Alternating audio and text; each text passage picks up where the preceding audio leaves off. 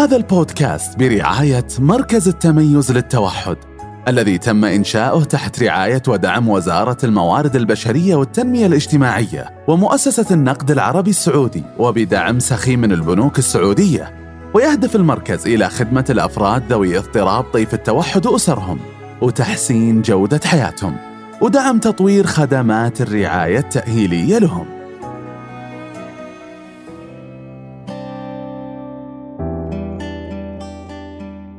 مرحبا جميعا حياكم الله مستمعي بودكاست دردشة التوحد معكم الدكتورة رفيف السدراني منسقة قسم تطوير المحتوى في مركز التميز للتوحد ضيفنا اليوم الدكتور سلطان الفواز دكتوراه في العلاج الوظيفي ورئيس قسم العلاج الوظيفي في مركز التميز للتوحد حياك الله دكتور سلطان هلا وغلا كيف حالكم؟ شو أخباركم؟ إن شاء الله كويسين؟ الحمد لله يعطيك العافية آه، سعيدين بتواجدك معنا اليوم ومتحمسين ندردش معك عن العلاج الوظيفي. آه، دكتور أول شيء آه، كثير مننا ما يعرف وش العلاج الوظيفي وشيء صرنا نسمع عنه كثير في الأيام الأخيرة. طيب نبغى تعرفنا وش العلاج الوظيفي؟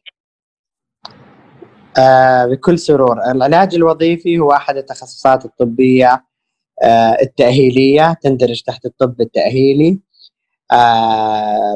بصورة عامة ما أبغى أتكلم عن التوحد بعدين ممكن تسأليني عن التوحد. بس ممارس العلاج الوظيفي ينظرون إلى أي شخص بنظرة شمولية بحيث إنه كيف إنهم يرتقون بحياته العامة ويرتقون بمهاراته إلى الاستقلالية. أوكي. بحيث إنها ترفع مستوى جودة الحياة عنده وترفع مهاراته المهارات مثلا مهارات اليد الدقيقة مهارات المهارات الأكاديمية المهارات. الحركية المهارات الحسية مهارات اندماجه بالمجتمع ففي أشياء كثيرة أخصائي العلاج الوظيفي أو ممارسي العلاج الوظيفي يستطيعون تطوير المهارات بصفة عامة عند أي شخص عنده تأخر سواء كان التأخر حركي حسي أكاديمي أو نفسي. ممتاز.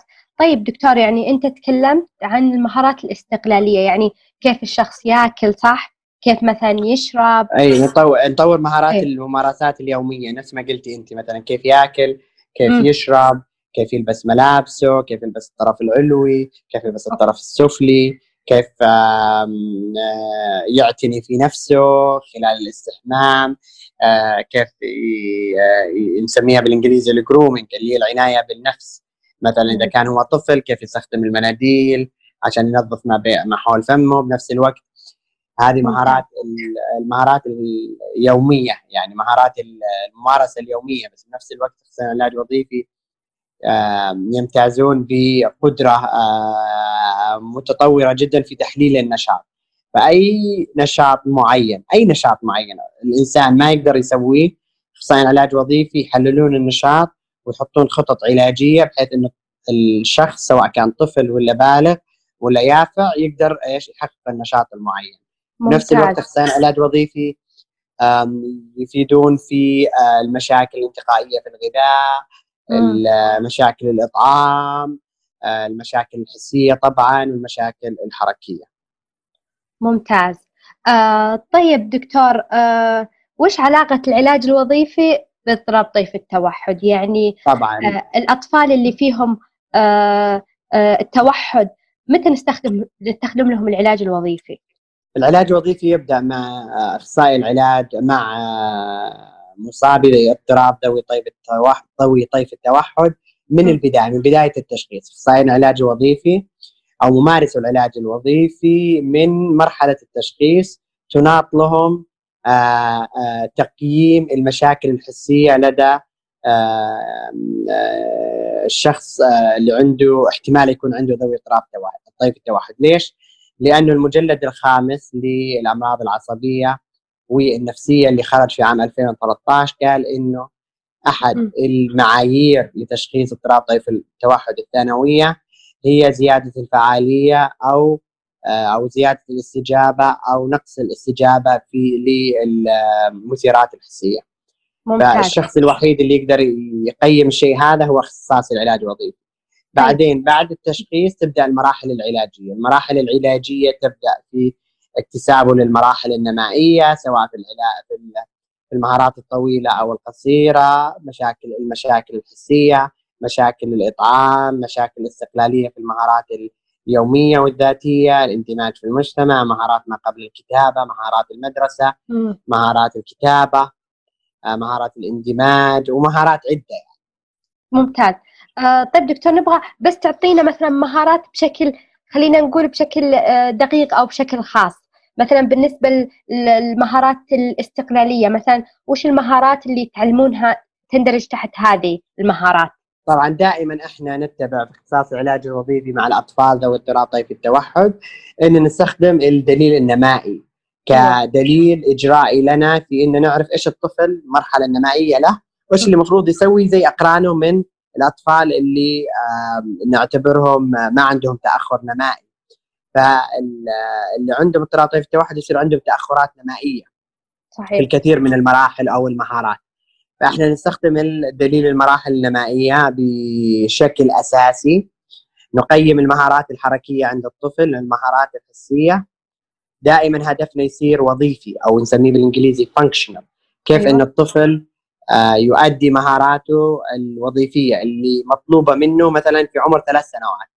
م. مطلوب عنه في عمر ثلاث سنوات إنه يقدر يخلع آه، ملابسه ويلبسها إذا كانت آه، وسيعة ويقدر يفسخ الجزمة مثلا ويفسخ الشراب فلازم الطفل نجي إحنا اختصاص علاج وظيفي بمهاراتنا في تحليل النشاط نعرف إيش الأشياء اللي مانع الطفل من إنه يؤدي الممارسات اليومية اللي هي اللبس والخلع ممتاز فهل طيب. هي مشاكل حركية؟ هل هي مشاكل حسية؟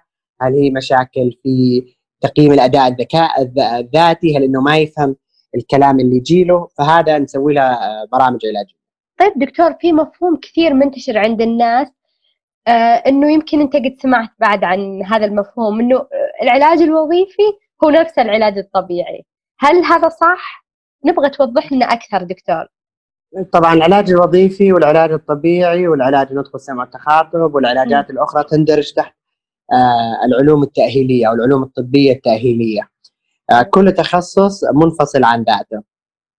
لكن اختصاص العلاج الوظيفي يمتاز بميزة إنه دائما يعمل مع أحد التخصصات المذكورة انفا اللي تجد يشتغل آه، اختصاص العلاج الوظيفي دائما مع العلاج الطبيعي ودائما مع علاج النطق اللغة والتخاطب فمثلا في المشاكل اللي فيها التنظيم آه، الذاتي ومشاكل الإطعام تجده يعمل آه، جنبا بجنب مع اختصاص النطق والسمع والتخاطب. مشاكل الحركة مشاكل العضلات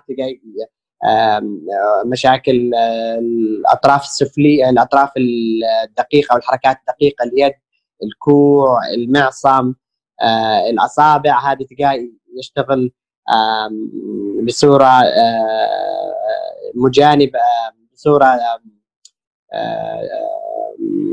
تعاونية مع جنبا إلى جنب مع اختصاص العلاج الطبيعي. صح. لكن طيب. لماذا عندنا هذا الخلق في المفهوم؟ لأنه ما كان في اختصاصين علاج وظيفي آه، مدة طويلة.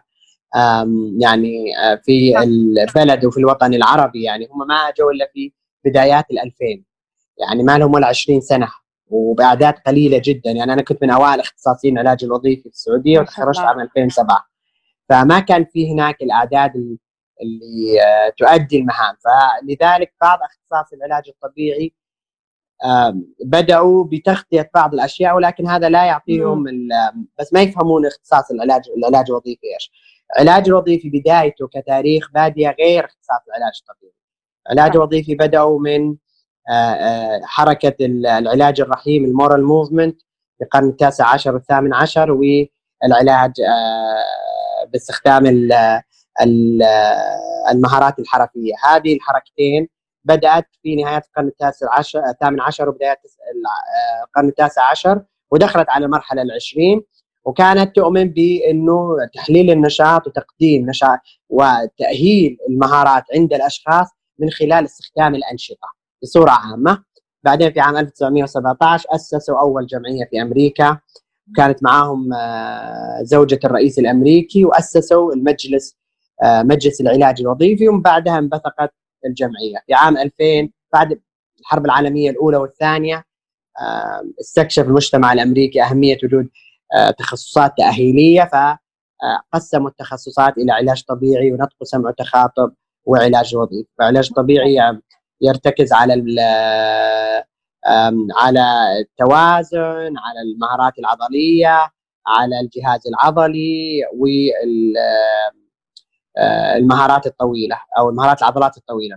اختصاص علاج وظيفي في المهارات الأنشطة اليومية مهارات آه، الحركات الدقيقة لليد والتآزر البصري والمهارات الأخرى اللي تعزز وظيفة الإنسان في الحياة.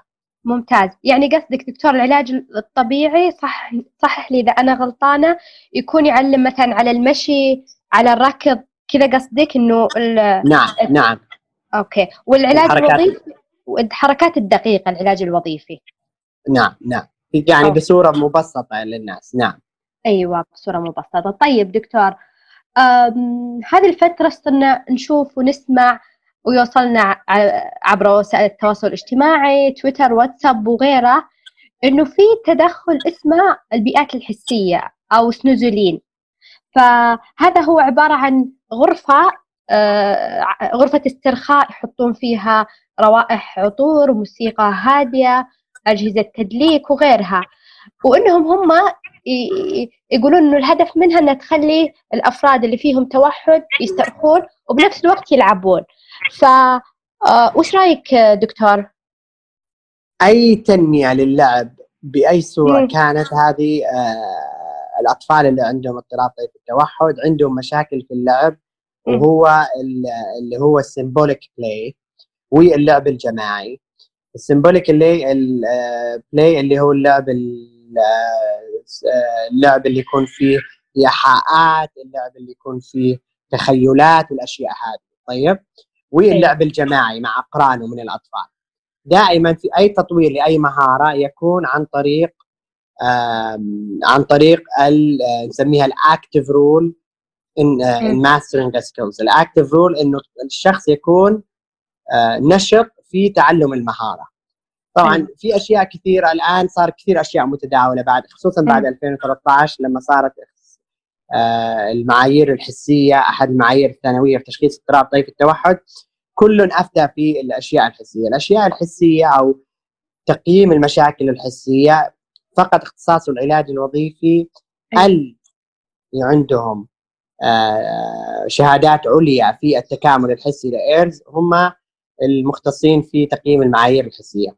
البيئات الحسية آه، أيوه. سنوز اللي انخرجت عن طريق العالم هذا وهو اختصاص علاج وظيفي كمان اللي لم يخب من الظن أو وهي تعتمد على بيئات حسية استخدمت للاطفال للكبار اللي عندهم ديمنشيا أو أمراض الشيخوخة وامراض الكبر بأن تسوي لهم استرخاء أو محاولة لإعادة الأحاسيس اللي هم فقدوها.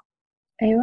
فهذه مشكلة فهذا شيء آخر هذا اللي إلى الآن أثبت علميا حاليا لا يوجد أي إثبات علمي بأبحاث رصينة تبين أن البيئات الحسية اللي الطفل يكون فيها خامل تطور أيوة. من مهاراته الطفل لا يتعلم أي مهارة لما يكون هو خامل طيب أوكي. لازم نكون إحنا مرة حذرين بالإستثارات البصرية الزايدة عن اللزوم الاستثارات البصرية الزايدة عن اللزوم عن طريق الألوان أو اختلاف الأنوار وكذا. وما في اختصاصيين علاج وظيفي مشرفين على هذه الغرف الحسية. قد تؤدي لا سمح الله إلى زيادة تشنجات. آه قد يبدو للكثير من الناس إن شكلها حلو للعب وكل شيء. لكن هل هي لعب علاجي؟ لا. هل إنها لعب عادي؟ أي شيء لعب عادي، أي أحد يقدر يلعب بأي شيء ويقدر يستفيد منه ويقدر يتخيله كلام. الوقت الحاضر البيئات الحسية هذه إن لم تكن تحت إشراف اختصاص علاج وظيفي يستخدمها من خلال تنمية اللعب الحركي النشط لدى الطفل لم يثبت علميا نجاعتها. ممتاز طيب بس عشان نوضح كلمة إنه الطفل يكون خامل قصدك دكتور إنه يكون هو في في الغرفة هذه الحالة فما مع آه، أخصائي علاج وظيفي هو اللي آه، مثلا يكون معاه يعلم على مثلا استخدام هذا الجهاز آه، نعم أنا أضرب لك مثال سهل. مثلا أيوة. الآن الطفل سوري للمقاطعة الطفل لما أنا اختصاص علاج وظيفي مختص بالتكامل الحسي لإيرز أحطه على أرجوحة أنا ليش أحطه على أرجوحة في بداية العلاج؟ طبعا أنا متمرن ومتمرس وعندي مهارة ومتعلم كذا أحطه عشان يصير التنظيم الذاتي عند أشبعه حسيا ويصير التنظيم الذاتي عنده كويس بطريقة معينة بحيث إنه لما أجي أعلمه على مهارة وظيفية مثلا لبس الشراب لبس الكتابة الجلوس في الطاولة. هذه تعتبر مهارات وظيفية. يصير خلاص هو أخذ الأشياء الحسية اللي يحتاجها بحد أدنى بحيث إنه يقوم بادائه الوظيفي المطلوب منه. فمثلا اداء الوظيفي المطلوب منه إنه يقدر يكتب يمسك القلم يقدر يلبس الملابس أيوة. يقدر يكتسب المهارة. كثيرين من اضطراب آه، اللي عندهم اضطراب طيف التوحد تصير عندهم مشاكل لأنه ما يقدر يجلس ما عنده تنظيم ذاتي لنا ما يقدر يركز يصير متشتت في هذا الشيء أو منزعج من أصوات تطلع يمين يسار. فكيف إن إحنا ننمي الأشياء هذه من خلال الاستخدام العلاج الحسي بالتكامل الحسي لـ Ayres هذا هو اللي معروف. نعم. ممتاز. يعني أنتم دكتور تستخدمون أجهزة تستخدمون معدات صح؟ وش المعدات اللي تستخدمونها؟ نستخدم أشياء كثيرة طبعا المعدات تستخدم كثيرة بس ما تعتبر زي ال Snoezelen هي أيوة. تستخدم أشياء كثيرة. ال Snoezelen والتطبيقات الحسية أو الاستراتيجيات الحسية هذه لم تثبت نجاعتها إلى الآن حسب آخر تقرير من جامعة نورث كاليفور نورث كارولاينا. العلاج التكامل الحسي لـ Ayres اللي يستخدمون اختصاصيين علاج وظيفي في العيادات. هذا يعتبر علاج ناجع يستخدم في أكثر من أجهزة معلقة على الهواء كالاراجيح يستخدمون نظام العقبات يستخدمون آه آه، أكثر من أجهزة معينة تثير الجهاز الدهليزي والجهاز احساس اللمس والجهاز الإدراك الفراغي اللي هو إحساس الدهليزي اللي هو إحساس التوازن والإدراك الفراغي اللي هو إحساس العضلات والمفاصل. ممتاز. فنثيرها بطريقة معينة صحية علاجية. الواحد اللي لازم يهتم ويتأكد إنه لما يجي اختصاصي تربيه خاصة ويتكلم عن علاج آه مثلا لغة وتخاطب هو تخصصه ما هو تخصص علاجي ما يقدر يفتي لك الشيء هذا. زي أنا ما أقدر أفتي بالأشياء الأكاديمية. صحيح. صح ولا لا؟ لأن أنا لما أتخصص زي آه، زملائنا وزميلاتنا في التربية الخاصة اللي هم آه، متعلمين ومجهزين آه، اكاديميا للاشراف على المرحلة الأكاديمية. فلما يجي لي أحد مثلا مختص بالأشياء الأكاديمية والتربيه الخاصة أو رياض الأطفال ويستخدم العلاج الحسي ويسميه علاج لا يقدر يستخدم استراتيجيات حسية موصفه من قبل اخصائي العلاج الوظيفي. تمام. أيوه بس يكون الطفل آه، مثلا الأب والأم أو مقدمي الرعايه للطفل آه، لازم يروحون آه، للعلاج الوظيفي مع أخصائي علاج وظيفي يكون مؤهل بهذا الشيء. يعني مو أي أخصائي علاج وظيفي يقدر يسويها إذا لم يكن مختص بالتكامل الحسي لايرز ممتاز. لازم يصير عنده شهادة اعتماد عالمية. ممتاز. آه طيب دكتور آه الحين نبغى منك نصيحة توجهها لل... لأسر الأفراد ذوي اضطراب طيف التوحد. دائما نصيحة هامة في آخر دقيقتين من هذا اللقاء الرائع والشيق والمثير. إنه دائما أنت أعرف حقوق طفلك، حقوق طفلك إنه لازم يصير له تقييم، ما في أحد يقدر يعطيك استراتيجيات من غير ما يكون تقييم مبني على معايير عالمية ومعايير آه، معترف فيها ومحكمة علميا هذا واحد. لازم يصير في معايير. تفضلي. معليش آسفة قاطعتك. طيب قبل كيف ال كيف ال الأم والأب أو مقدمين الرعايه للطفل يعرفون إنه طفلهم يحتاج علاج وظيفي؟ يرجعون للمراحل النمائية يشوفون إذا فيه مشاكل.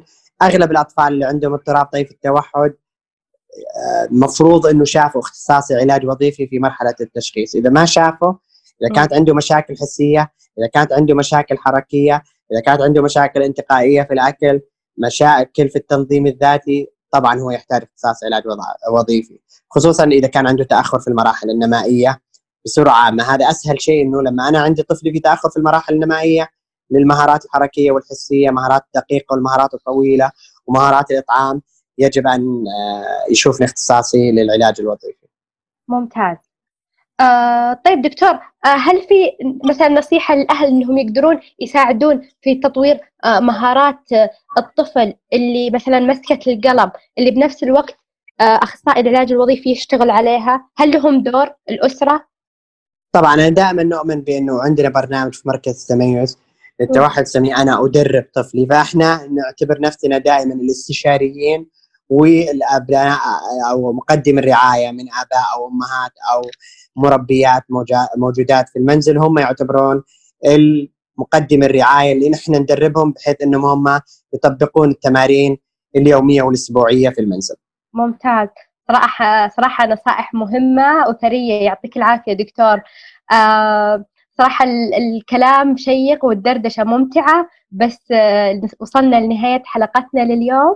آه شكرا لك دكتور سلطان الفواز على المعلومات المهمة عن العلاج الوظيفي. آه، أعزائي المستمعين نشكر لكم متابعتكم وأتمنى تكونون استفدتم من الحلقة وبإمكانكم مشاركة الحلقة مع الأشخاص المهتمين من حولكم انتظرونا مع ضيوف مميزين في حلقاتنا القادمة وفي أمان الله